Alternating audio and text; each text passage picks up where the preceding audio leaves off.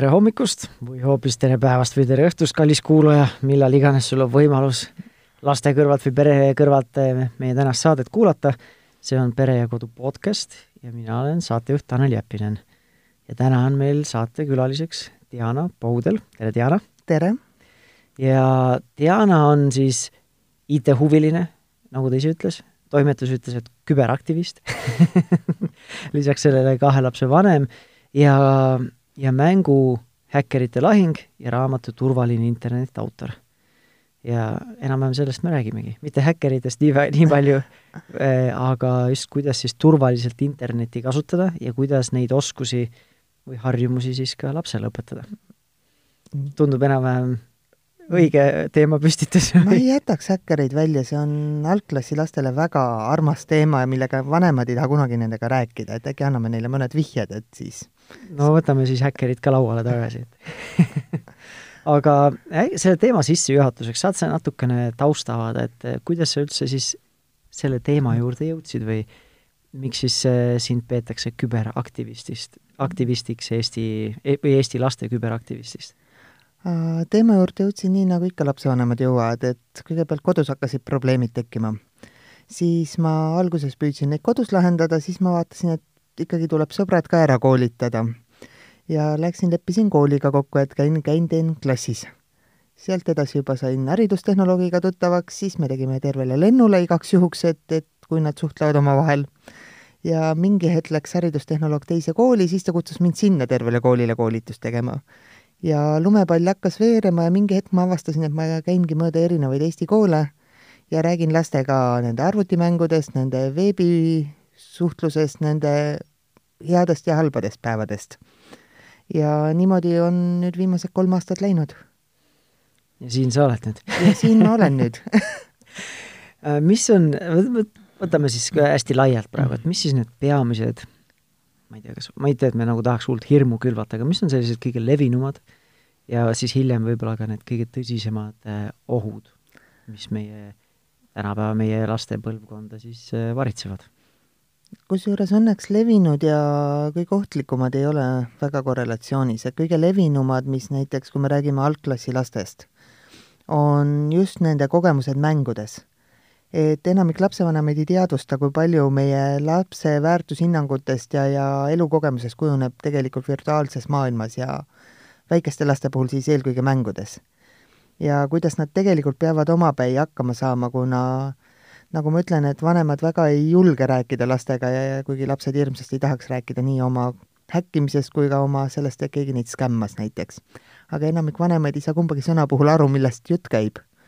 et, et äh, algklassides üldjuhul, kuigi on ka ekstreemseid näiteid, kus juba üritatakse saada kellegilt, ütleme, ebaeakohaseid pilte või midagi muud, siis ühe, noh, ma ei ole nüüd täpselt küsitlust teinud, aga enda kogemusega üheksakümmend üheksa protsenti probleemidest on sellised, mis täiskasvanu puhul tu-, ütleb, et noh, need ei olegi tõsised probleemid. häda on see, et laste jaoks need on tõsised probleemid näiteks, näiteks, mida võib äh, lapsevanem siis nii-öelda nagu mitte millekski pidada, mis tegelikult lapsele läheb väga korda? näiteks kui laps ütleb, tal hägiti konto ära, tal võeti mängus asjad ära, tal keegi lõhkus ta maailma mängus ära, siis kahjuks on lapsevanematel mingi filter kõrvas, mis tõlgib selle teksti niimoodi, et laps on liiga palju internetis, võtame tal nutiseadme ära aga nüüd paneme selle konteksti, mida iga lapsevanem mõistab. su laps on mänguväljakul, võttis kaasa oma armsa auto või nuku ja nüüd ta tuleb nuttes koju ja ütleb, et mingi suvaline tüüp võttis sealt liivakastist, tema mängis rahulikult ja see tuli ja võttis tal nuku ära ja tõmbas rat-, noh, autol rattade alt ära. Iga, või noh, mitte iga, aga enamik lapsevanemaid paneks aur kõrvadest välja puhisema sinna mänguväljaku poole teele, et olukorda lahendada. suured teemad sotsiaalmeedias ja kõik. aga tegelikult mängus on lapse jaoks kogemus sama lihtsalt kuna see on virtuaalne kraam, siis vanema jaoks tundub, aga midagi ei juhtunud. aga laps on võib-olla neli-viis päeva näinud vaeva, et seda asja, mis talt ära võeti, saada. Võib-olla ka kuid võib-olla ka kuid, näiteks kui me räägime Growtopias mingist maailmalukust, mida on päris keeruline saada, kui sul ei ole võimalik osta, ütleme, neid mängurahasi. ehk siis, et lapsevanemad ise ei saa aru nendest teemadest, kui palju mingi asi korda läheb või? Nad ei saa aru, kuna meil endal po-, isegi minul, kes ma tegelikult olen Nõo Reaalgümnaasiumis olnud ja minu, ütleme, selline virtuaalne aktiivne elu hakkas kümnendas klassis pihta. Aga isegi minul puudub tegelikult selline algklassidest, noh, tol ajal ei olnud arvuteid, tol ajal oli veel isegi, ei olnud Eesti riiki sellel kujul, mis praegu. ja mul puudub kogemus, et, et see mängude ja see teema võib-olla on minul lihtsam, kuna mina olen olnud alati raamatukoi ja mina sain oma raamatukeelu kätte esimeses klassis. peale seda olin teki all taskulambiga ja lugesin edasi, aga lihtsalt ma tean, et keelamine ei tööta väga hästi et, et äh, tegelikult tänapäeva noored saavad väga palju oma sotsialiseerumisest, oma ideedest, oma kogemusest kätte mängudest ja see on normaalne.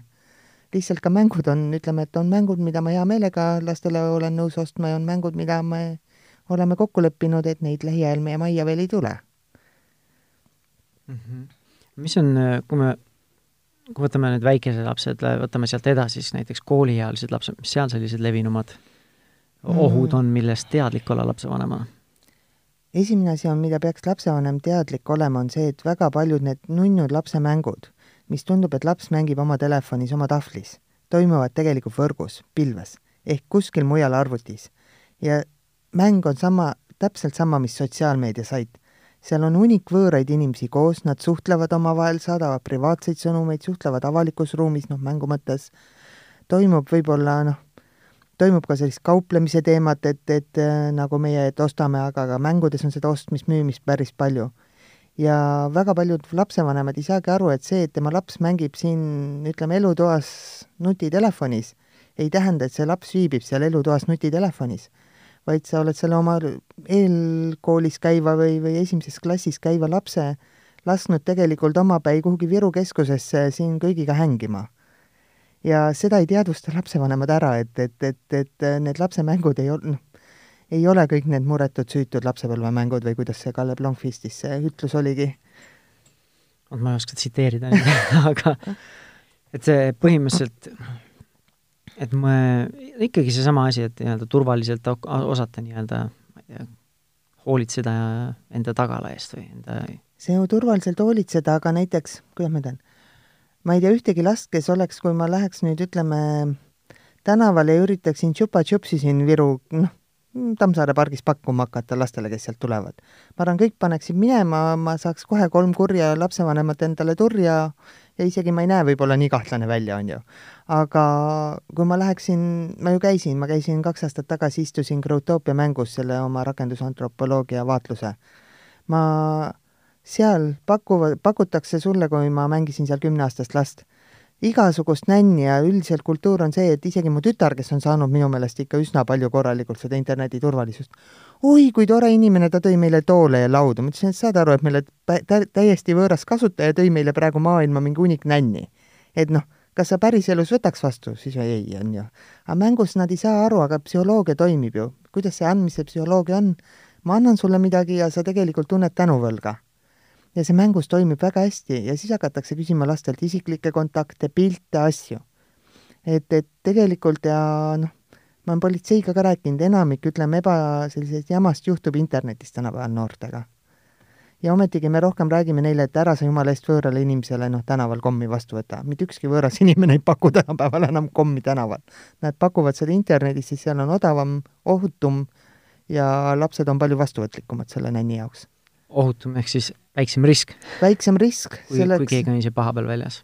täpselt, selleks, et internetis sind tuvastada, on palju keerulisem kui see, et sinust tehakse viis pilti ja sa oled sotsiaalmeedias kuulus, enne kui sa jõuad bussipeatusse, on ju siin, kui kesklinnas tegutseda mm. -hmm paneb juba mõtlema et la, lapsed on ka varsti sinna ikka jõudmas, et ähm, kuidas siis alustada seda teekonda või valdkonda üldse, kui keegi nüüd kuulab ja, ja lapsed on sellises vanuses, et tegelikult peaks ja peaks rääkima või peaks olema juba rääkinud oma lastega nendest teemadest.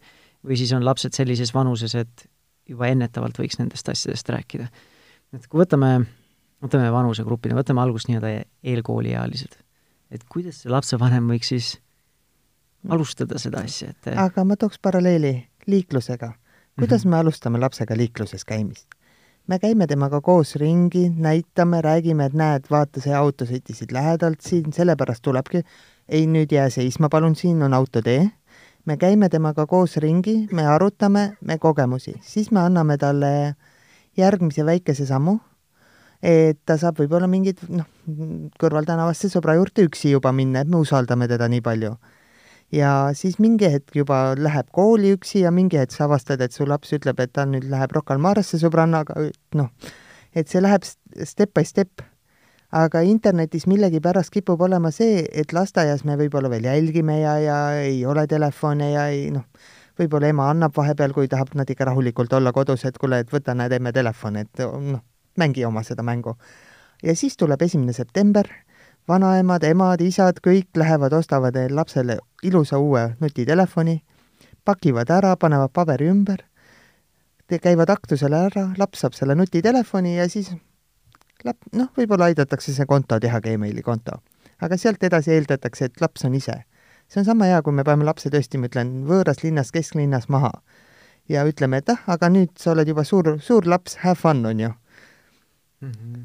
tere tulemast virtuaalmaailma ohutusse virtuaalmaailma, et anna minna äh, okei okay,, peaks alustama niimoodi, et peaks seda koos neid asju tegema, peaks rohkem käe kõrval käima? uurima. selles suhtes teine asi, kui su laps veedab päevas näiteks kaks-kolm tundi mängudes, siis kui palju on neid vanemaid, kes õhtul küsivad, mis sul mängudes juhtus?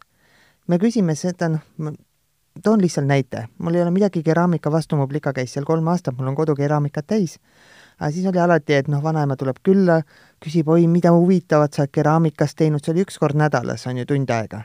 mida oled ja siis, kui laps midagi toob, siis noh, kõik imetlevad ja kui ilus ja noh, oli ilus, ei ma üldse noh, aga häda on see, et seesama laps võib-olla on kolm tundi päevas, noh, nädalas see teeb kakskümmend üks tundi.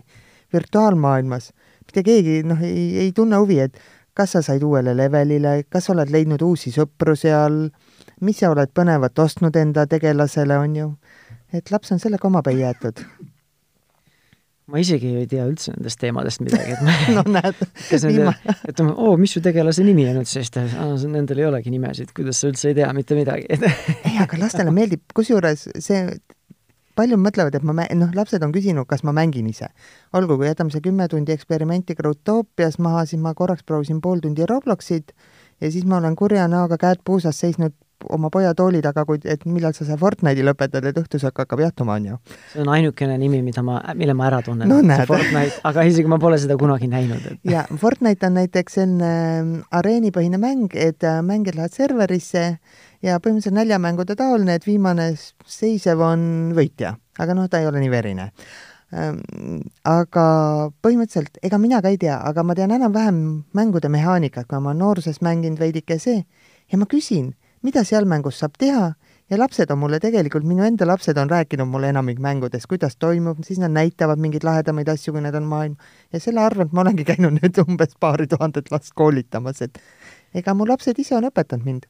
no need lapsed aitavad leiva lauale tuua no, kaudselt. väga, väga hea, et tegusad lapsed ehk siis äh, nii-öelda rahustuseks kuulajatele, et ei pea absoluutselt kõikide mängude ekspert olema piisab sellest, et kui sa tunned huvi nende mängude vastu, millega, millega sinu laps tegeleb.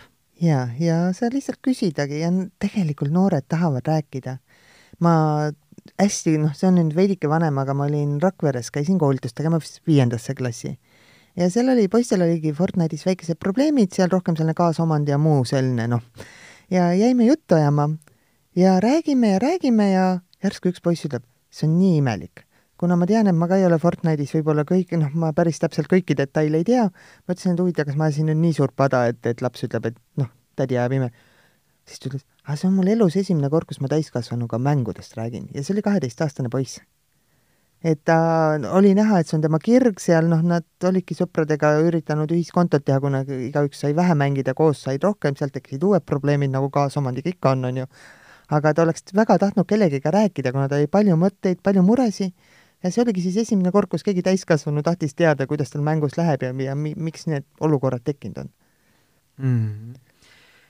ma arvan, et see oli üks varasem saade, kus me rääkisime Kristi mm. Vinter Nemvaltsiga või Nemvalts Vinteriga, ma ei mäleta, kumba pidi. Mm.. et äh, rääkisime just sellest ekraanide mõjust lapse arengule ja siis see kas see oli selle aasta algus või eelmise aasta uuring, see EU Kids Online uuring? eelmine aasta kus siis toodi ka välja, et, et paljudel noortel ongi lihtsalt see lähedus ja kontaktipuudus. et see on nagu põhi nii-öelda leida ka üks nendest asjadest, mis seal taustalt läbi kumas. et äh, selle asemel, et siis lasta lastel seal üksinda seigelda, et tegelikult ka tunda siirast huvi, kuidas ta läheb, mida ta teeb, mis ja. tema jaoks üldse tähtis on praegu. ja see on ka näiteks üks asi, mis on oluline, on see, et kui laps kasutab ükskõik mingit sotsiaalmeedia, noh, selles osas mina ei anna kunagi juhiseid, et millal, see on pere otsus, millal nad lubavad lapse mingit asja tegema, et ametlik vanus on enamikel asjadel kolmteist, aga minu visuaalne statistika ütleb, et kolmandas klassis on juba väga aktiivsed noh, noored kasutama siin Snapchati, TikToki ja muud sellist.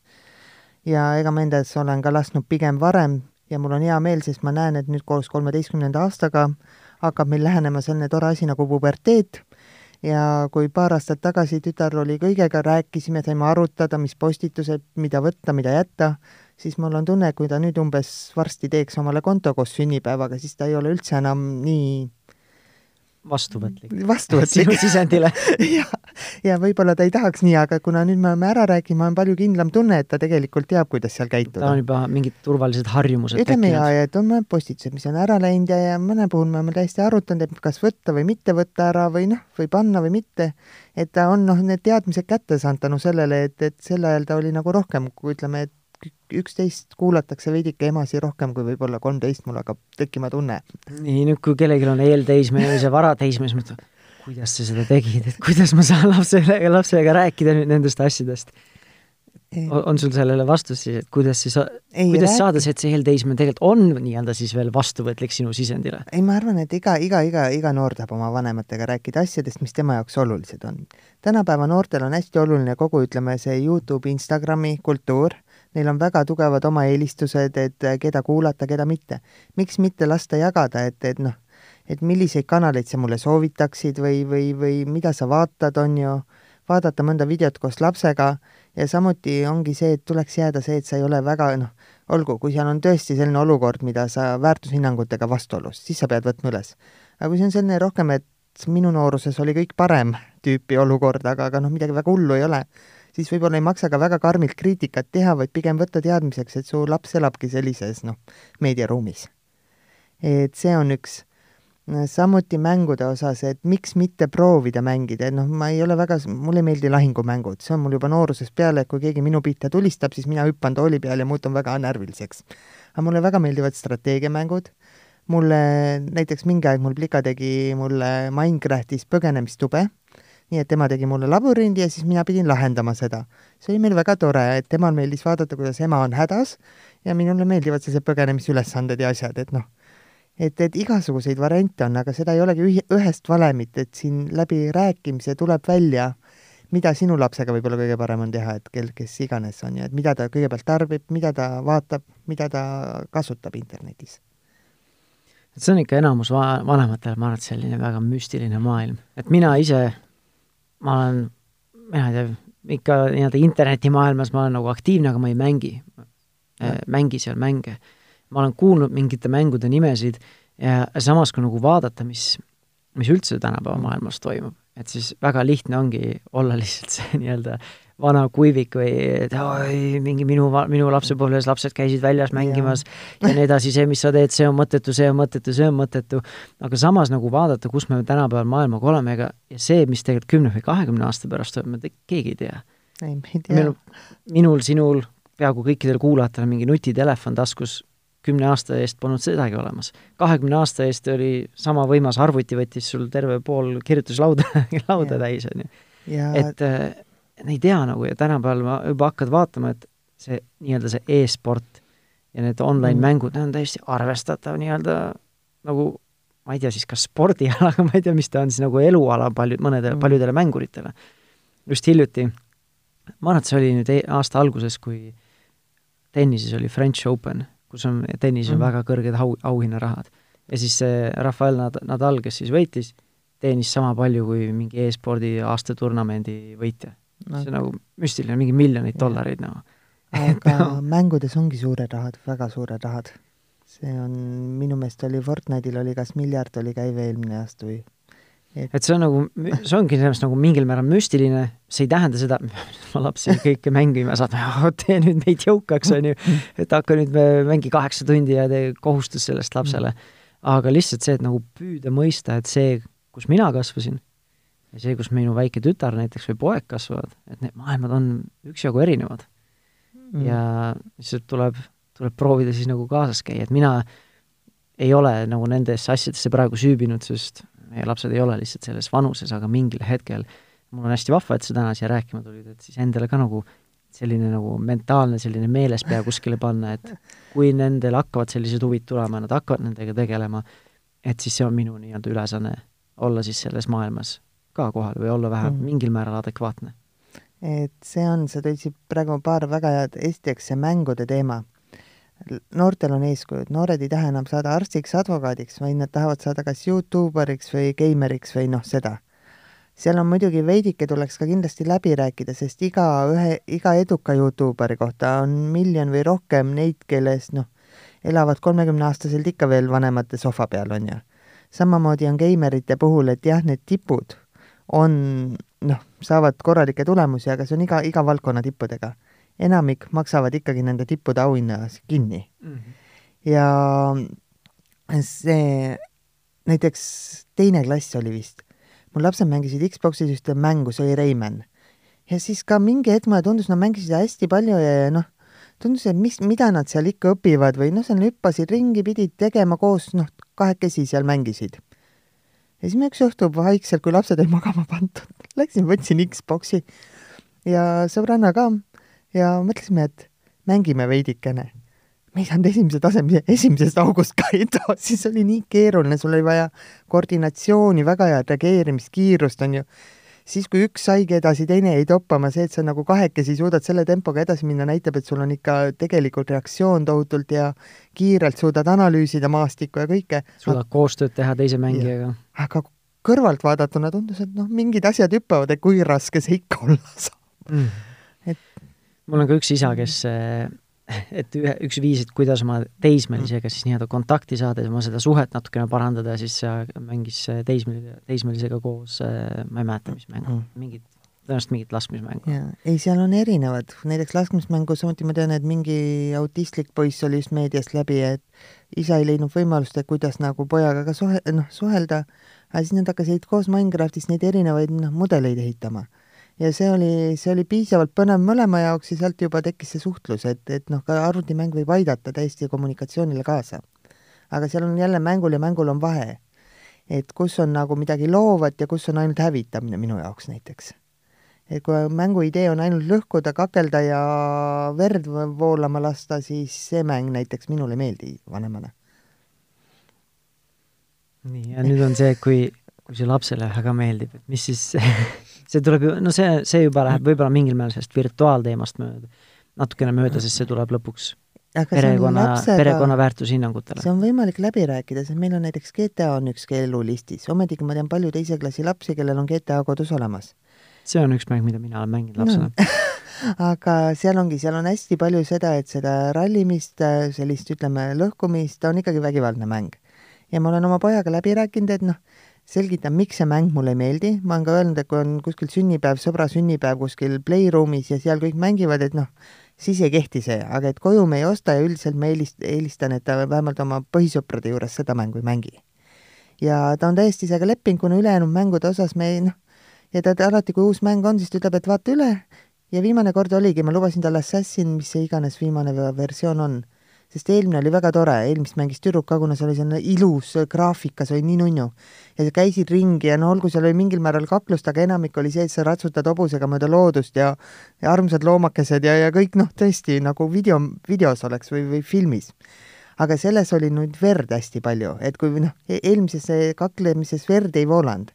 seekord oli nii, et noh, nagu see Kill Bill filmi ja poiss ise ütles ka, et, et kõigepealt üritas tükk aega leida, kas kuskilt saaks seda vere, noh, seda animatsiooni maha keerata, et ja siis ütles ka, et noh, et see, see, see versioon talle väga ei meeldi ja see on meil praegu riiuli peal, kuna ilmselgelt tal on siiski tekkinud, et ka, et tal noh, see vägivalda, tal ei ole vaja seda vere voolamist, et aga pigem meeldib see strateegia, otsid kaardilt asju ja noh, midagi on järelikult ikkagi saad-, õigesti tehtud, et, et, et kui laps ise tuleb rääkima, et mängus on liiga palju verd, siis ja, ja ma, mina tabasin see, et laps tuli küsima, et kuule, vaatame selle mängu koos üle. et, okay. no. et, et jah, et ta on nagu arvanud, et ma vaatan ja, ja noh, selles suhtes ikkagi, et kuna ma ei keela siis, kui ma just väga ei tunne, et see kuidagi väga läheb, siis üldiselt ma ei keela, aga, aga kui ma keelan, siis nad teavad, et siis ma mõtlen tõsiselt asja. et see mängude teema, jah, see on, no ma arvan, et see on lastel selline ja, ja kõik need asjad enamik juhtub mängudes. et ses suhtes, et kui me võtame, mis algklassi lapsega juhtuda saab, suure tõenäosusega ta kohtub võõra inimesega arvut- või mängus. ta loob mängus kontakti, kus talle pakutakse mingit nänni, et ta saadaks, ma ei tea, pesus või ilma pesuta pilte, on ju. ta, see kõik on mängudes et nad ei ole nii hullult neil Facebookis näiteks need kontod, kui neil on, nad ei tee seal eriti midagi, võib-olla Messengeri grupp on klassil olemas või Snapchatis. Aga kõige rohkem tundubki, et on ikkagi mängude kaudu tuleb see algklassi lapsele seda ebasoovitavat kontakti. Mm.. mis sellega siis teha või kuidas last, laps selleks ette valmistada, et see on nagu sa ennem ütlesid ka, et kui keegi mänguväljakul või pargis tuleb sulle niimoodi mingi pakkumisega, et mm. kuule, ma ei tea, vaata, mis mul on, siis see on nagu kõigil on imelik, täiskasvanu imelik, lapsele enamasti on imelik, et oh, mis sa tahad. Aga nüüd, kui sa oled kellegiga nii-öelda seal mängus nii-öelda õlg õla kõrval mänginud või teineteise vastu mänginud, mingid, mingil määral ikkagi nagu seda suhet loonud, aga sa ei tea, kes seal teisel pool on, on ju. igaüks võib pa-, panna oma profiili, et ta on, ma ei tea yeah., tüdruk või poiss või nii vana või naa vana, on ju. et äh, kuidas siis selle esiteks, kas algklassi laps peaks äh, koos maailma ehitama täiesti võõra kasutajaga? mina näiteks, äh, mul noored tegid, siis olid ikkagi klassikaaslased või ütleme, noh, sõbralistis olid ainult inimesed, keda nad tundsid ka päriselus. no näe, ma juba õppisin, et seal on sõbralistid. no näed et kõikides mängudes on sõbralist ja kui sa sinna mängudesse sõbralisti paneb võõraid inimesi, siis tegelikult vaata, neid mängudes on ruume palju, servereid palju. ja sõbralist annab tegelikult võimaluse ühendust võtta, sind üles leida paremini. kui sa juba võõra inimese lased sinna sõbralisti, siis tegelikult see paratamatult nagu äh, annab juba päris hea info ja, ja jälitamisvõimaluse, et ligipääsu infole ja sellist. et seda, et mina näiteks algklassi laps ei peaks üldse mängudes mängima võõrastega, on klassiõed, klassivennad, naabrilapsed, sugulased, hunnik, hunnik noori inimesi, kellega koos mängida. et äh, mängus sama, võõralt inimeselt nänni vastuvõtmine peaks tekitama lapsel sama tunde, et ma tahan minna mõne tuttava täiskasvanu juurde ja öelda, et mulle mingi kandis et selles suhtes, et kui me jõuaks sinnani välja, siis see oleks juba suur asi. aga aga ei, nagu me rääkisime, et tegelikult ei tekita ilmselt samasugust reaktsiooni? ei tekita, see pigem tekitab tunde, vaata, kui tore inimene toob mulle hunnik nännid, näed, tõi roosiseemneid ma... ka, et ma saan nüüd roose kasvatama hakata kuidas ma saan talle tasuda selle eest? jaa, et, et näed, ma annan talle ka ligipääsu oma maailma, sest üks skämm näiteks, mis on ja ma ise noh, kuna ma muidugi hästi lahkelt, ega kui mina seal, mul oli kümme tundi aega, ega ma ei viitsinud kauem olla, siis ma kõike usaldasin muidugi. olgem ausad, ma läksin väga usaldavalt. ja siis ma andsin ka, et ma ütlesin ka, et noh, näed, tõi mulle nänni, anname talle siis kohe ma-, noh, minu maailma nagu nii-öelda õigused minu maailmas toimetada alguses tõi nänni ja siis vist umbes päeva pärast, kui läksin, oli enam-vähem see maailm tühjaks tehtud. ehk siis see on ka, et lastel hästi palju kasutatakse ära, et see usalduse tekitamine on tegelikult pettusskeem mängudes. ehk siis see on ka, et kas me tahame, et meie lapsed nagu õpiks seda, et ära usalda kedagi või, või, või noh, sind skämmad, noh. ja hästi oluline on vanema reaktsioon. Äh, kui su laps räägib mängumurest, siis see on päris mure tema jaoks. punkt. see ei ole, noh, sest eelmine aasta näiteks mul siin mingi hetk tekkis see Momo teema, Momost oled sa kuulnud?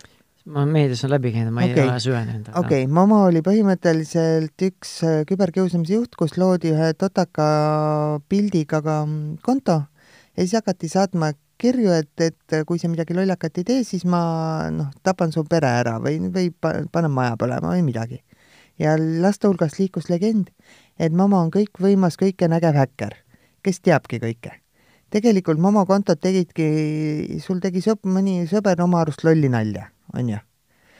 ja kui ma selle teema siis välja tõin, ma ausalt öeldes ei arvanud, et see nii suureks läheb, siis ma tegin selle postituse, kuna mul koolitustel tuli signaal, et selline teema on üleval ja siis ma tavaliselt panen ka endal seal Facebooki lehele, et, et noh, kuulge, et uurige last. ja siis see läks lendu, kuna ükski vanem polnud mamast kuulnud siis ta läks ja küsis lapselt, kas oled mamast kuulnud, siis laps rääkis kogu info ära, mida laps teab. ja võib-olla see oli esimene koht, kus paljud lapsevanemad tajusid, et laps elab täiesti teises inforuumis, et kõik lapsed teavad, ükski vanem ei tea. ja, aga siis hakkas juhtuma jama. siis hakkas juhtuma see, et vanemad läksid koju ja sõimasid lapse ära, mis sa suhtled mamaga. idee on see, et see konto hakkab sind nagu jälitama, ahistama, sõnumeid saatma olgu, sa saad ära blokkida, aga kuna noored ka ju ei tea ja nemad usuvad väga paljud, et see ongi kõikvõimas häkker, kes noh, teeb midagi halba, kui seda ära blokid. ärme unustame, me räägime tõesti lastest, kes usuvad jõuluvana ja päkapikke ka, on ju. et, et miks nad ei peaks uskuma, et on olemas kõikvõimas häkker. ja siis nad saavad vanematelt veel sõimata, et miks sa suhtled, on ju. ja mida see vaene laps seal tegema peab, ühelt poolt ähvardatakse, teiselt poolt talle ei anta nõu, vaid öeldakse, et ise oled loll, et selline suhtleb, on ju.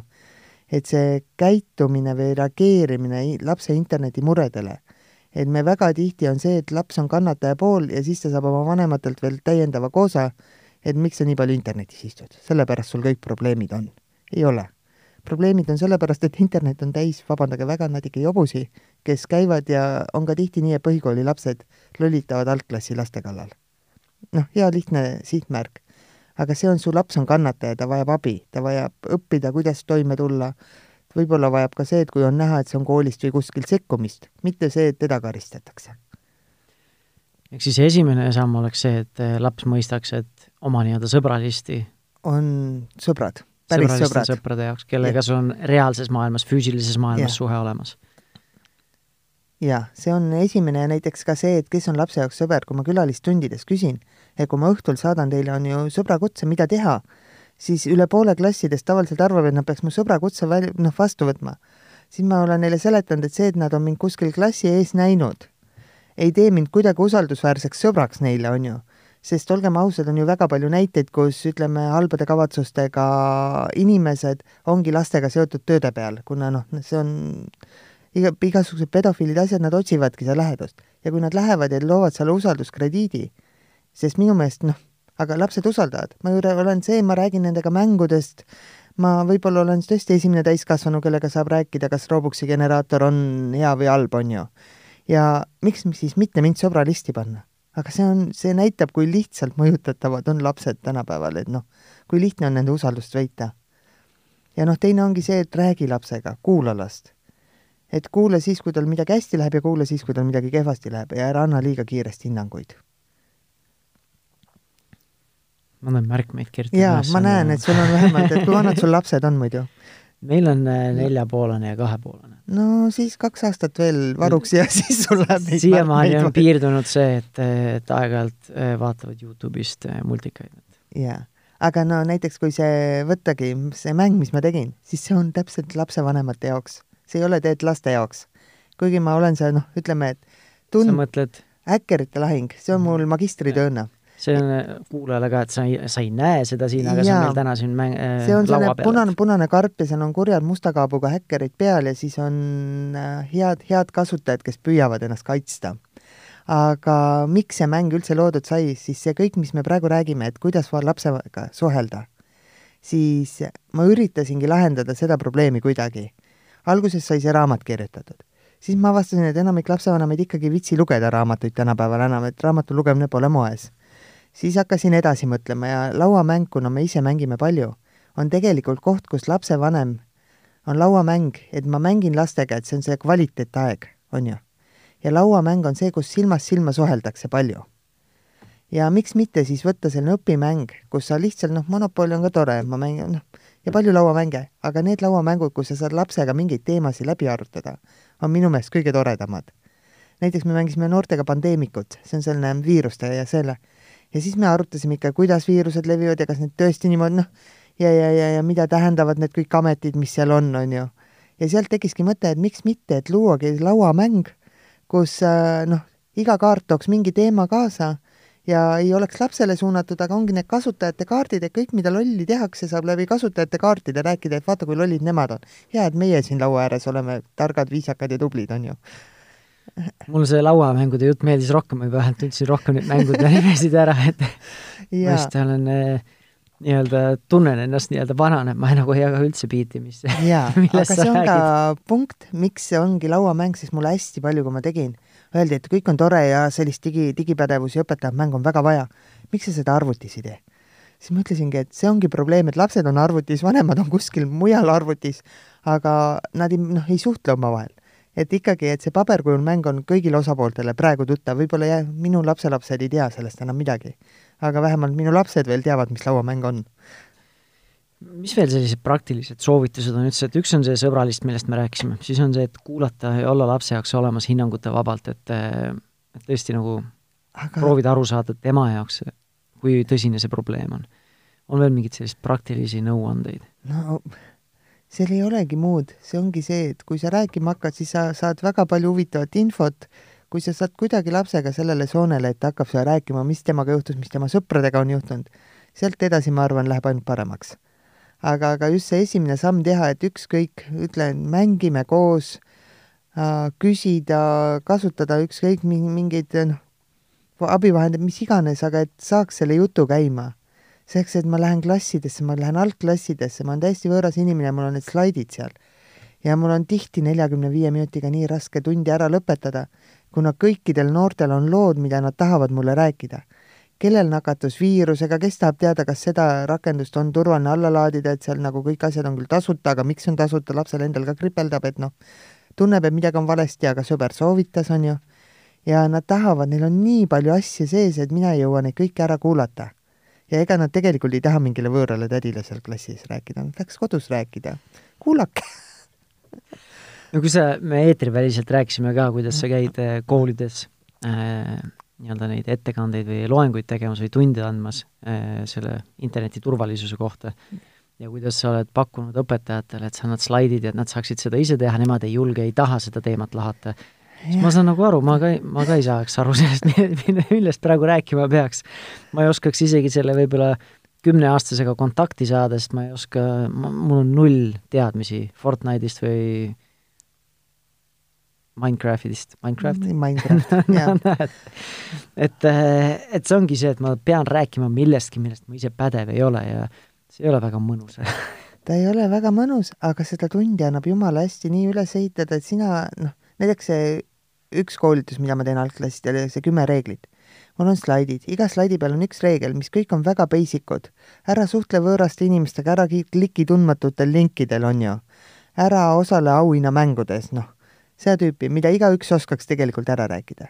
ja siis edasi ei olegi midagi muud, sina ütled paar lauset ära seal, mis on olulised ja siis sa lihtsalt kuulad, mida lapsed räägivad ja ütled, jah, niimoodi peab käituma, ei, kuule, teinekord käitu palun niimoodi. Sest tegelikult lapsed sisustavad tunni ära ja mul on hästi tore, et ses suhtes on lapsevanemaid ja õpetajaid, kes on need materjalid kasutusele võtnud. ja siis nende muljeid kuulata on olnud nii põnev minu jaoks. kui nad ütlevad ka, et ma läksin, kartsin, tead, lugesin kolm õhtut neid slaide läbi edaspidi ja tagurpidi, on ju. ja siis läksin ja siis kõik jutt käis, lapsed rääkisid, mul endal oli nii põnev, et noh, nagu ei olnudki midagi hullu. Et see on see uksest välja minek on alati reisi peal kõige keerulisem mõtle, ma praegu lappan seda raamatut, siis ma ennem vaatasin, ma ei ole seda läbi lugenud, sest ma alles sain selle kingituseks, aitäh. nii, ole. aga ma soovitan teistele ka, see tundub hästi põnev, turvaline internet. ma kuskilt ennem nägin seda kohta ja ma proovin sult pinnida neid praktilisi nõuandeid, aga ma ei leia seda kohta üles, et kommenteerida, et et üks asi oli see, et, et sotsiaalmeedias või mängudes, et ei ole, sa ei soovita või vähemalt siin raamatus oli, et sa ei soovita kasutada ees- ja perekonnanime näiteks. Äh, miks see oluline on ja mis on veel sellised nagu võib-olla sellised asjad, mida täiskasvanu tegelikult ei mõtlegi, sest noh, mina ei tea, mul on Facebookis enda nimi jah, see on, ütleme, seal on jälle dilemma. kusjuures ma ütlen, et ma ei soovita enamikel kasutada, aga oma lastel ma olen lasknud kasutada, aga ma kontrollin kogu aeg, mida nad postitavad. Kui sa ise ei ole päris kõikide laste kontode sõber, mul on TikTokis, mul on Snapchatis, mul on igal pool kontod. just sellepärast, et oma noorte ja nende sõprade pärast aga kui sa ei kontrolli, siis olgu lapsel selline nimi, mida ei saa kuidagi tuvastada. selleks, et äh, kui ta postitabki sinna midagi, noh näiteks läksin reisile, ostsime uued arvutid, äh, teeb pildi mingi uhke kalli asja taustal. kui sa tead inimese nime, siis tänapäeva e-riigis noh, ei ole väga keeruline välja tuvastada, kes ta on ja kus ta õpib ja kus ta elab ja noh, muud säärast. ehk siis esiteks noh, nagu ma noortele ka ütlen, et vanasti oli kurjategijatel keeruline pidid külmas vihmas käima akendest sisse piiluma, on ju. tänapäeval on lihtne, võtavad sooja kakao, istuvad tugitooli, hakkavad vaatama, mis on Snapchatis, mis on Youtube'is, mis on Instas, kellel on uued kellad, kellel on uued mobiilid ja mida rohkem infot sa endast paned, seda suurem tõenäosus, kui sa mingile pätile silma jääd, siis ta leiab su üles. kui ta üldse ei tea, kes sa oled, siis internet on täis neid, kes on oma nime jaganud ja ta läheb neid püüdma. piisab, kui sa oled targem kui ütleme, kaheksakümmend protsenti internetikasutajatest, et juba üsna turvaliselt tunda. kuna pätid on laisad, nemad ei viitsi vaeva näha, nemad lähevad lihtsama saagi järgi. ehk siis sama, et kui džunglis oled, siis sa ei pea lõvist kiirem olema, vaid oma kaaslasest. kahjuks nii ongi ka digidžunglis et siis seal digidžunglis olla see natukene kiirem ja selline ütleme, raskem saak.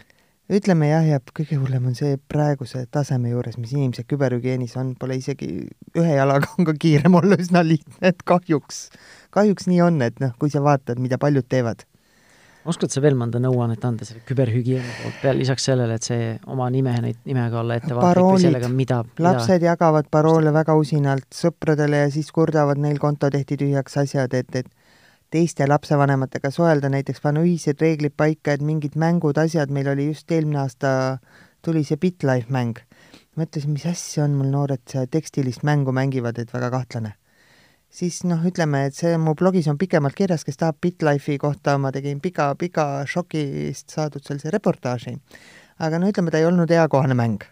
Ja siis kõik, kõik klassis mängisid, aga siis sai klassis nagu vanematega suheldud, selgitasin, et noh, et mis seal mängus kõik valikud on, et abordi tegemine ja kolmekad ja muu säärane, on ju ja siis me leppisime kokku, et me selle mängu keelame kõigile ära, et siis ei tunne keegi, et ebaõiglane, no et noh, ainult temal, vaid ongi, et noh, oodake, et, et see ei ole siiski teie vanuses mäng, et, et mis sest, et seal ei ole tapmist ega pilte. et noh, see on üks variant, et koostöö teeniste vanematega ja kindlasti on, ütleme, suurim julgus targalt internetis neid saite ja toredaid materjale on tegelikult eesti keelest palju-palju-palju. et mul endal digikooli sait, siis on seal igasugused kiu-, kiusamsteema, noh, seda on, et kui sa paned turvaline internet või paned küberkiusamine või paned äh, petuskeemid mängudes, sealt tuleb neid asju välja. aga sa pead ise minema ja lugema, et ega keegi ei tule su uksele ja ei räägi kõike ära, et seda noh, ikka mingi proaktiivsus peaks vanematele ja, jääma. ja noh, tänase selle podcast'iga ka me ei suuda kõiki neid küsimusi lahata ja, ja lahti arutada, et siis kuulajale ka, et sul peab endal see proaktiivsus olema, et mine otsi enda jaoks oluline info üles, et ma loodan, et vähemalt tänane see senine saade on olnud siis selline mõtlema panev vähemalt ja võib-olla siis, mis annab sellise väikese tõuke siis uurida, mis lapse maailmas suhtle. toimub. see on kõige lihtsam soovitus, suhtle lapsega internetist. meil on varsti nüüd kolmveerand tundi juba täis, et äh, on ma ei tea, kas sa valmistasid ette siia tulekuks või mitte, aga kas on jäänud midagi ütlemata või mis sul nagu hingel on, millele tahaks natukene veel tähelepanu pöörata? hingel on see, et äh, lapsevanemad, et see kvaliteetaeg lapsega, et see võib ka virtuaalne olla. lapsed tahaks teiega virtuaalselt aega veeta. ja teine asi ongi see, et kui te ei oska mitte kuidagi alustada, siis ma soovitan, minge vaadake seda häkker.ee lehel, seda mängu. Et äkki on see asi, et te panete selle lauamängu ja ma, seal võib šokk tekkida alguses, kui laps kõik ära räägib. aga sealt edasi lähevad asjad paremaks. Väga vahva, aitäh sulle, Diana! tänan, et kut-, et kutsusid. Ja sa juba natukene ütlesid ka, aga on sul, kui kellelgi tekib, on huvi selle vastu, sa ütlesid, sul on enda blogi, sa ütlesid häkker.ee, see on ilmselt selle mängu jaoks, on ju et eh, on mingeid ressursse, kuhu sa tahad suunata kuulajaid? Tegelikult, kui otsida kool.digiabi.ee, seal lehel on olemas nii raamat, mäng, õppematerjalid koolidele, õpetajatele täiesti tasuta allalaadimiseks. seal on blogi, kus ma kirjutan, kui mingid teemad jäävad kõrvu külalistundidest. et ja Turvaline internet, digimaailma teejuht on Facebooki leht, kus ma siis jagan kõiki neid materjale, mida ma sinna lehele postitan et vaadake, uurige, et äkki, äkki jääb midagi silma, mis kõnetab ja, ja on oluline pere jaoks. üks oli siis kool.digiabi.ee. ja häkker.ee suunab ka sinna. väga hea. Veel kord aitäh sulle, Diana, aitäh sulle ka, kallis kuulaja, ma loodan, et täna oli põnev kuulamine. Ja kui see sulle korda läks, siis äh, võid vaadata varasemaid saateid ka, meil on äh, nii-öelda arhiivis jutumärkides juba üle viiekümne saate. Ja muuhulgas rääkisime ka, oleme rääkinud küberkiusamisest oleme rääkinud ka, kuidas ekraanid lapse arengut mõjutavad, nii et sarnaseid teemasid on varasemalt juba ka meil saate teemaks äh, olnud. nii et aitäh, need varasemad saated leiad kas Spotify rakendusest enda telefonis või siis podcasti äpist või ka Delfi või Pere ja Kodu veebiväljaandest. ja kui soovid minuga kahepoolselt suhelda, siis minu leiad sa Facebooki grupist Positiivne ja rahumeelne vanemlus. aitäh kuulamast ja järgmise korrani!